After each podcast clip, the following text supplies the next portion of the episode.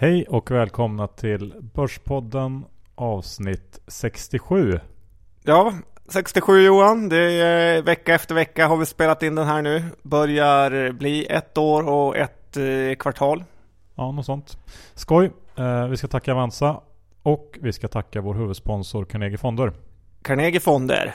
Förvaltaren Gunnar Paulsson har med sin Indienfond presterat eh, otroliga 70 plus procent i år. Eh, han beskriver i senaste nyhetsbrevet Utsikt hur det kommer sig att fonden är upp så här mycket. Extremt intressant läsning faktiskt och alldeles gratis. Ja, så gå in på Carnegie Fonders hemsida och signa upp er på det. Jan, innan vi börjar kanske det kan vara värt att bara nämna vart vi sitter och spelar in idag. Ja, vi sitter i min lilla äckliga lägenhet här i Vasastan. Ja, så liten är den väl inte? Den är väl ändå över 100 kvadrat va? Men äcklig är den i alla fall. Och eh, det beror på att en av mina ungar har gått på magsjukan. Så att eh, du är i danger zone Johan att bli contained. Ja, så därför blir det lite kortare avsnitt idag. Men eh, vi får se hur det går. Ja, men det går väl bra som vanligt. Ja. Vad ska vi prata om då? Nej, då blir det ju makro, mikro, bolag. Litet, liten koll på Enquest som eh, har tappat en del på slutet kan man säga. Och du ska skälla ut en tidningsredaktion också. Ja. Då kör vi.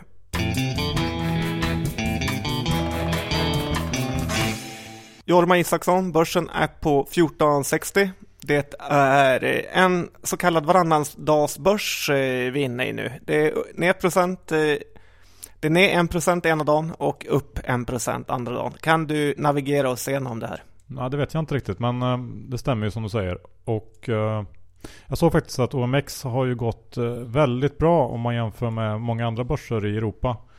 Jag tror vi är upp eh, 250% kanske något sånt från botten 2009 och eh, Europa i snitt var någon, låg kring 160 tyckte jag läste. Så det har ju gått väldigt bra i Sverige och det fortsätter att göra. Börsen vill inte ner. Men ehm, det har ju börjat skaka till lite i dels Kina Shanghai-börsen tappar ju 8% från sin high eh, igår och stängde minus 5%. Idag återhämtar en del men... men eh, Varannan dags börs där också. Ja. Men eh, det kom ju efter att man hade beslutat där att man inte längre ska kunna belåna obligationer med lågt kreditbetyg.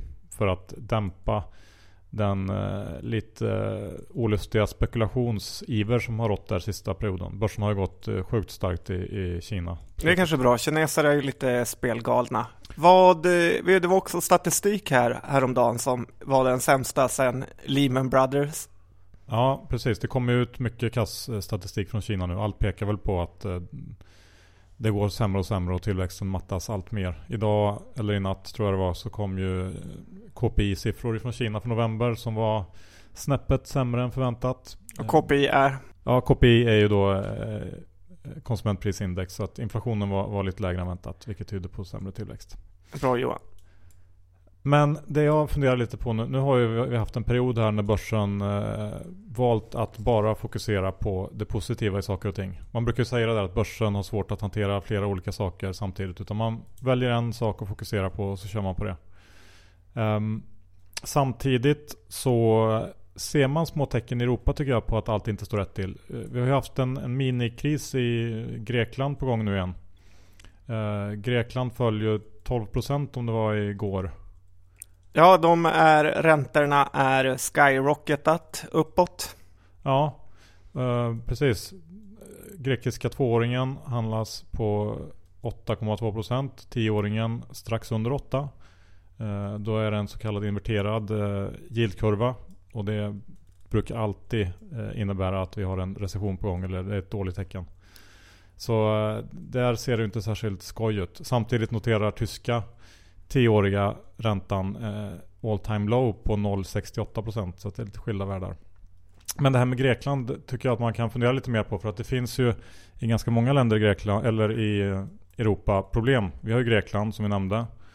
Eh, vi har eh, Spanien där Katalonien vill bli independent. Vi har eh, Tyskland som i grund och botten inte alls vill hålla på med något stort QE-paket. Och eh, vi har ett, eh, och även i Tyskland så har man ett, ett sånt här anti-EU-parti som eh, har växt sig ganska starkt. Eh, och i Frankrike är det samma sak, väldigt instabil ekonomi eh, och en politisk situation där det högerextrema partiet faktiskt fick eh, flest antal röster i EU-valet nu senast. Och i Italien är det lite liknande situation. Så det, det finns ganska mycket osäkerhet i Europa som man kanske kan tycka att börsen inte riktigt prisar in. Så det finns ju möjlighet där för, för negativa surprises tycker jag. Har du jobbat på dok Dokument utifrån tidigare? Nej. En härlig rapport från läget i Europa. Ja. Lika positiv som vanligt? Ja, men det är, jag är realist kan man säga. Om vi ska ta liten kortis om oljan den här veckan också. Jag läste att Goldman Sachs eh, har räknat på vad oljan, det här senaste, senaste tidens oljeprisfall gör för den amerikanska konsumenten. De säger att det motsvarar ungefär 100 miljarder dollar i, i lättnader. Fallet och, som varit eller? Ja, precis. Och att eh, för konsumenten då i USA och att eh, det de tror kommer gynnas mest det är bilförsäljningen. Alltid de här bilarna. Så vi kanske har varit lite tidiga där på att eh, björnkål på eh, bilsektorn. Ja, Autoliv går ju som ett eh, skott om ja. inte annat. Precis, och eh, sen noterar jag också en annan liten grej bara. Eh, att Electrolux i veckan här eh, tog in pengar på obligationsmarknaden. En femårig obligation med fast ränta. 100 miljoner euro. Vad tror du räntan var? Jag gissar på att den var låg. Precis, 1%. Och är inte det en bubbla då vet jag inte vad som är en bubbla egentligen. För att det låter ju helt sinnessjukt. Att man lånar ut pengar till Electrolux som är ett ganska kastbolag egentligen till 1%. Ja, vi får se. I USA då John. Du pratade ju om återköp här för några månader sedan. Att de skulle komma igång igen under senare delen av hösten. Ja, och det har de ju verkligen gjort. Det köps tillbaka som aldrig förr. Ja, det stämmer bra. Återköpen var eh, de näst högsta någonsin i tredje kvartalet. Och eh, det är Apple som ligger längst upp och köper mest aktier såklart. Och sen har ju vår kära Anders Borg fått ett eh, toppjobb i ditt eh, hatbolag Johan. Han klev in i styrelsen i Kinnevik efter en eh, karriär som finansminister. Ja, vad säger du om det? Ja, det är kul att de eh, är, verkar vara enorma arbetsnarkomaner de här i topparna. Själv så skulle jag nog ta en tio års ledighet efter att ha varit finansminister i eh, åtta år. Men eh, han ska på direkt. Ja. Det är väl någon slags tradition där hos Stenbeck att man tar in en gammal politiker i styrelsen. Det har, ju, har vi sett förr. Har du någonting att säga om småbolagen då John? Du som är småbolagsexperten här. Ja, det har jag väl som vanligt om du frågar mig. Vi har ju en lite sekt i de svenska småbolagen här faktiskt.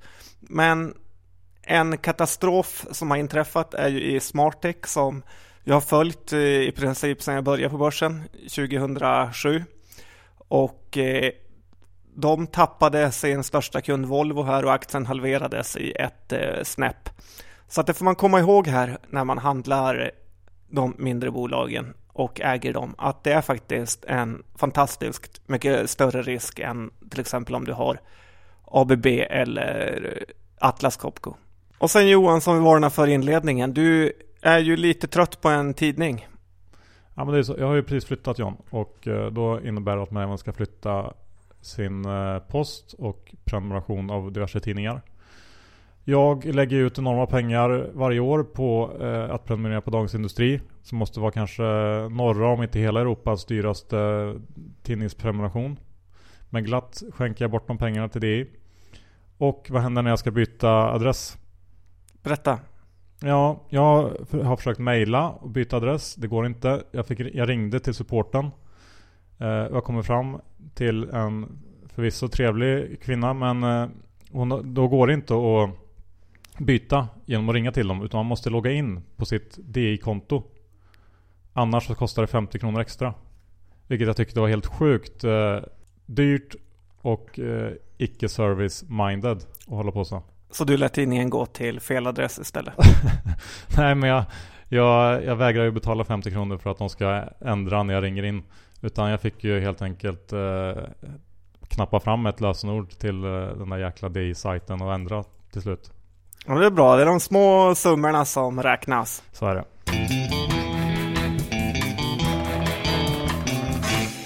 Då har vi kommit till dagens höjdpunkt där en av de bästa analytikerna i Sverige ska ge sin syn på Enquest. Ett eh, oljebolag som har eh, tappat en väldig massa på börsen sista tiden och eh, seglat upp som en småspararfavorit spekaktie. Johan, take it away.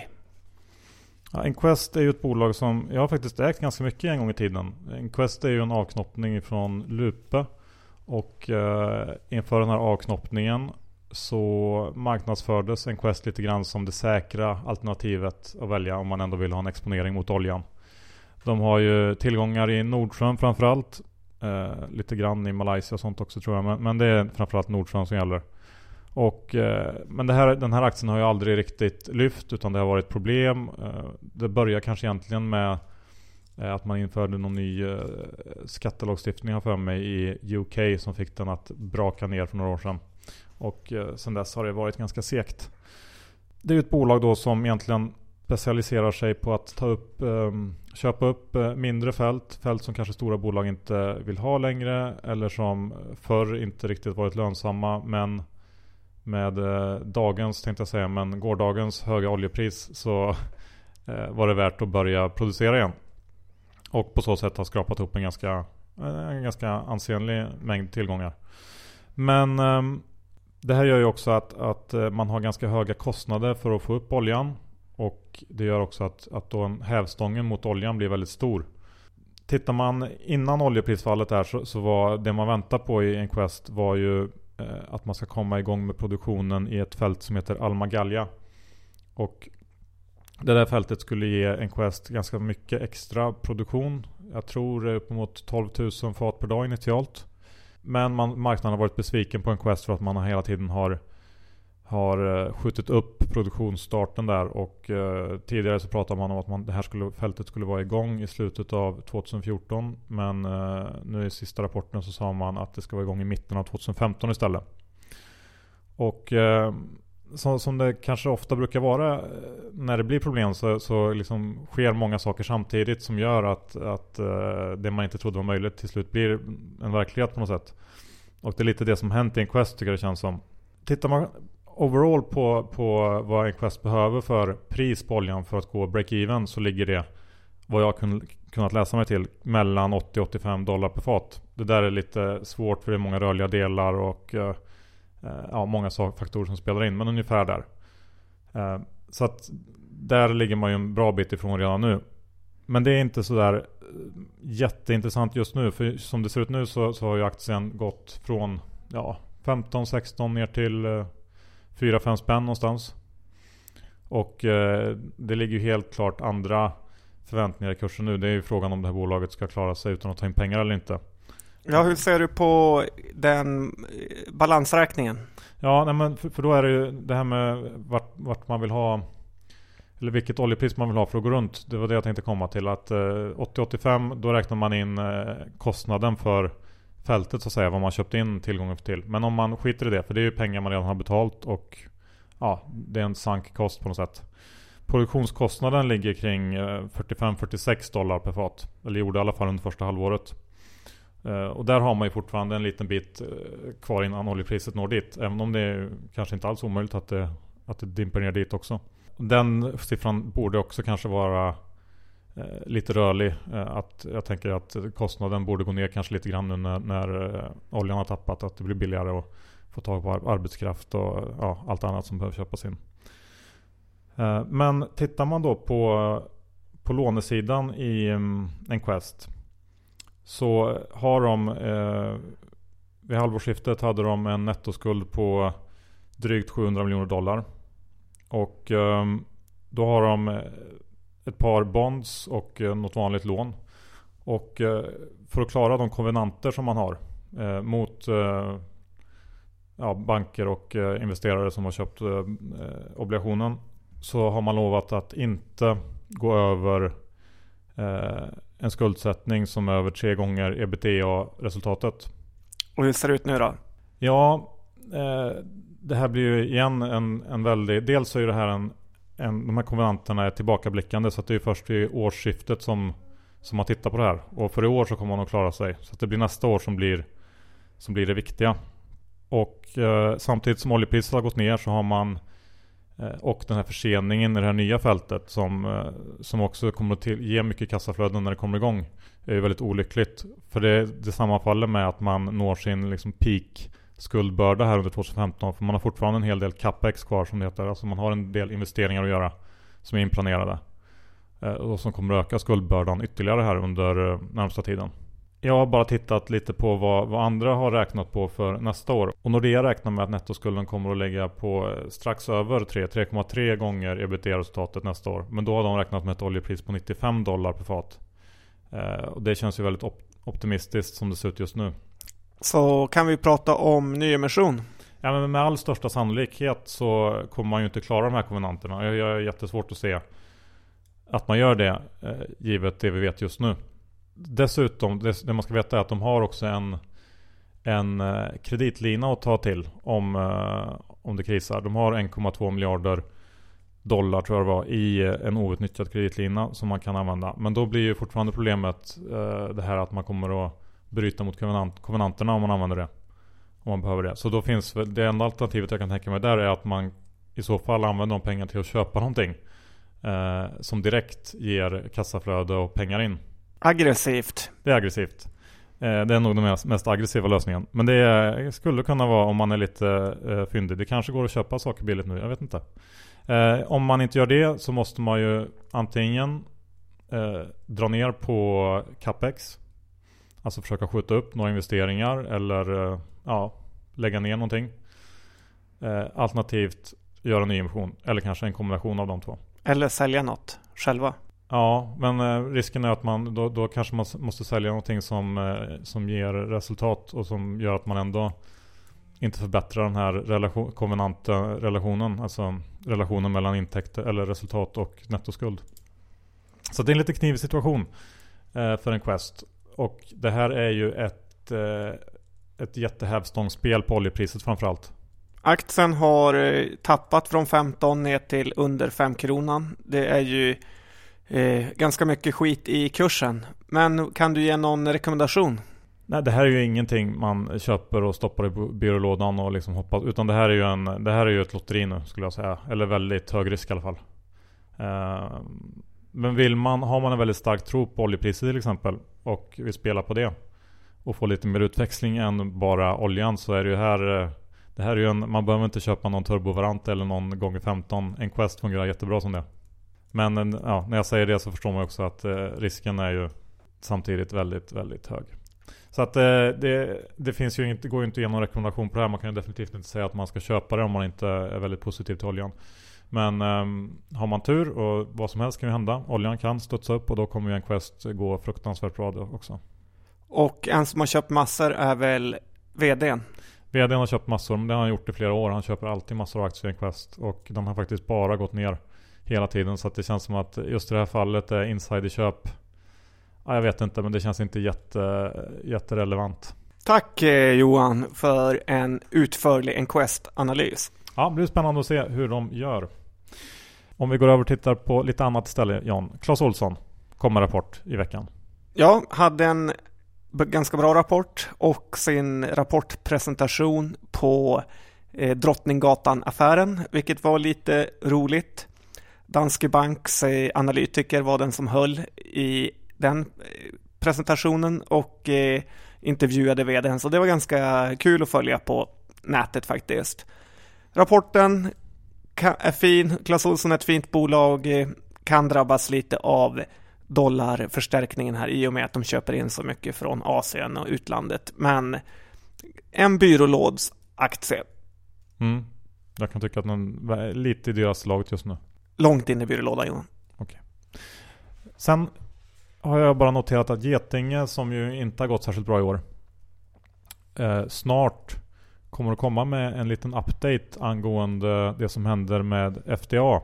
De har ju haft problem med sina fabriker och sin produktion i USA och FDA har varit på dem. Och eh, jag har väl en liten känsla av att det kanske kan vara lite för mycket skit inprisat i den kursen. Och eh, kommer det bra besked där så har vi en vinnare fram till årsskiftet där.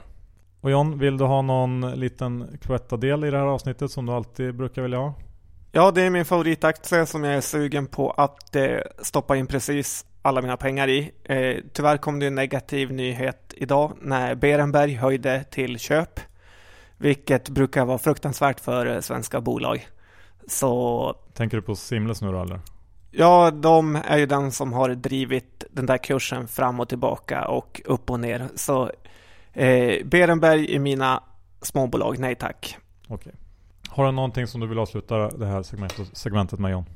Nordea har ju höjt eh, nästan alla finansbolag, Avanza, Nordnet eh, och även Catella.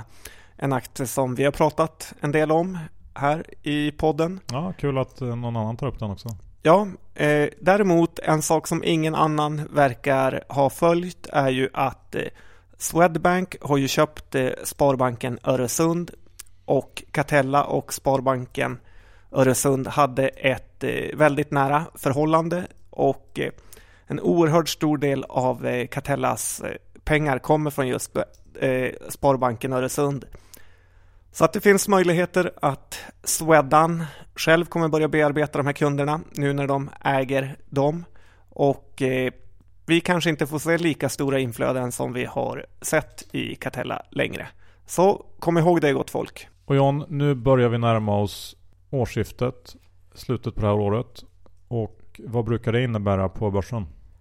Det brukar innebära att det är skatteplanering, tricks och fix, rensa ut portföljen på framförallt förlorare. Vilket i sin tur innebär att de går ännu sämre än vanligt och får en spike efter nyår.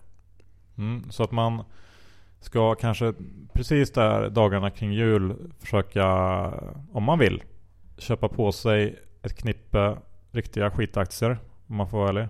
Ja, vi har ju sett, det kommer lite tjuvstarter också. Och eh, vi har ju sett Anoto som är ett eh, riktigt skitbolag eh, kommit med en eh, tjuvstart på det här och från och gått från sin nyemissionskurs och under den på 22-23 öre upp till eh, 35 öre. Och det är den här typen av reaktioner vi kan se i förlorarbolagen när det rensas i storbolag i, i fondförvaltares portföljer och även privatpersoners. Ja, men ska vi ta, eh, ta ut några sådana här som ligger högt upp på förlorarlistan som kanske kan vara eh, intressanta. Ska jag börja kanske med, med eh, en aktie som vi har pratat om mycket tidigare år som heter Trade Doubler? Ja, där har vi ju definitivt en potential, potentiell uppvärdering. Den är ju ner 50% i år. Eh, och jag såg att eh, ledning och styrelse tog den här traden idag faktiskt och köpte in lite aktier. Se om det kan vara läge att ta rygg på dem, vem vet? Har du någon? Jag är lite spänd på Eniro, en av de aktierna som har förlorat eh, allra, allra mest här på börsen om eh, det kan vara fonder och liknande som window dressar som det kallas. Eh, alltså eh, säljer ut allt de äger innan årsskiftet när man ska visa upp vad man äger. Mm. Och därför kan den studsa upp. Ner 90% i år ungefär så att visst, där finns det ju många som har förluster. Sen finns det ju många i de här råvarusektorn som kan få rejäla uppstudsar. Endomines har nyligen gjort nyemission. Mm. kan få sig en liten bounce. Eh, Africa Oil skulle kunna gå på eh, en klassisk nyårstrade. En ja. Quest som vi pratade om tidigare. Vi har lite intressanta klädbolag, typ VRG. Venue Retail Group alltså. Ja, var den ner typ 40% i år kanske ungefär? Ja, och eh, andra som CDON som nyligen, som inom kort kommer ha gjort klart sin nyemission kan också vara en potentiell 20, 30, 40 procentare upp efter årsskiftet. Ja, och vi har ju också eh, om vi är inne på bolag som gör nyemission som gått dåligt så har vi Active Biotech som också ligger högt, högt upp på förlorarlistan i år med en nedgång på nästan 70% som eh, också skulle kunna kvala in i en liten eh, skräpportfölj. Ja, och eh, det här är ju ändå relativt stora aktier vi pratar om. Vill man vara ännu mer riskabel så kan du kliva ner till de allra minsta listorna för att få precis samma typ av händelse men till högre risk. Ja.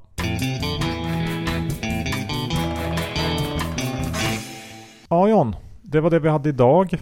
Ja, tack Avanza. tack så mycket och tack vår huvudsponsor Carnegie Fonder. Carnegie, Carnegie. Ja, ni får ta och lugna ner att ni inte bryter 100% spärren. Det är ju som när bensinen gick över 10 kronor.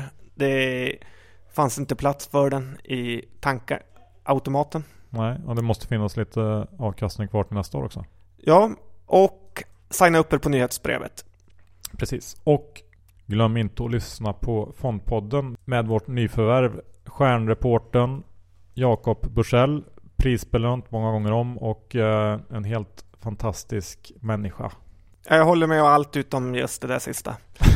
det är ju så att eh, vi hade Börspodden och så startade vi Fondpodden som att göra en konkurrent till oss själva Johan. Det är lite som att eh, Coca-Cola också grundar Pepsi-Cola. Mm. Det låter konstigt men det är ganska smart. Ja. Men, följ eh, oss på Twitter. Följ oss på Twitter, på Facebook och eh, ja, det får nog räcka så. Men det gör det. Ja, hej. Hej då.